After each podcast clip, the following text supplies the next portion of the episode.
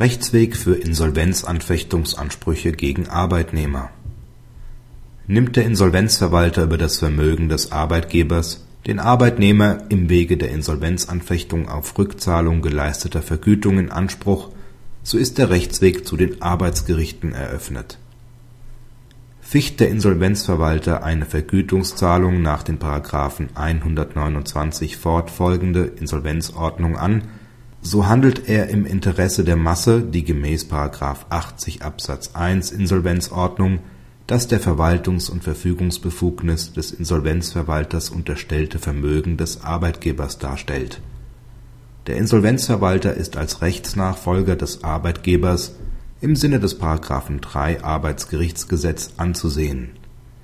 Der Begriff der Rechtsnachfolge im Sinne des § 3 Arbeitsgerichtsgesetz ist weit zu verstehen es ist nicht erforderlich, dass der Arbeitgeber selbst den streitgegenständlichen Anspruch unter denselben Voraussetzungen wie der Insolvenzverwalter geltend machen könnte.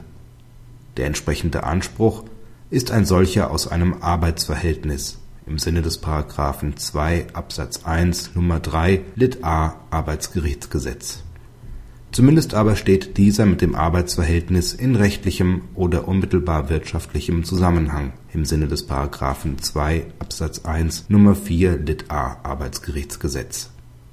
Zwar könnte der Arbeitgeber selbst keinen Rückzahlungsanspruch auf die Vorschriften der Insolvenzanfechtung stützen, gleichwohl handelt es sich bei wirtschaftlicher Betrachtung um die Rückabwicklung einer arbeitsrechtlichen Leistungsbeziehung.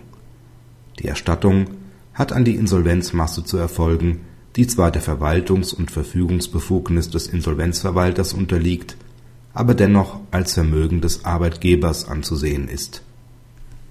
Praxishinweis Unter den in einem weiten Sinne zu verstehenden Begriff des Rechtsnachfolgers im Sinne von § 3 Arbeitsgerichtsgesetz werden auch die Haftung für arbeitsrechtliche Ansprüche aus eigenständigen Rechtsgründen wie § 826 BGB zum Beispiel die Durchgriffshaftung im Konzern, die Bürgschaft, das Handeln des Vertreters ohne Vertretungsmacht im Sinne von § 179 BGB, die Firmenfortführung gemäß § 25 und 28 HGB, der Schuldbeitritt und die Haftung des Insolvenzverwalters nach § 61 Insolvenzordnung subsumiert den mit dem Blick auf Vergütungszahlungen bestehenden Anfechtungsanspruch des Insolvenzverwalters nunmehr ebenfalls unter § 3 Arbeitsgerichtsgesetz zu fassen, ist nur folgerichtig.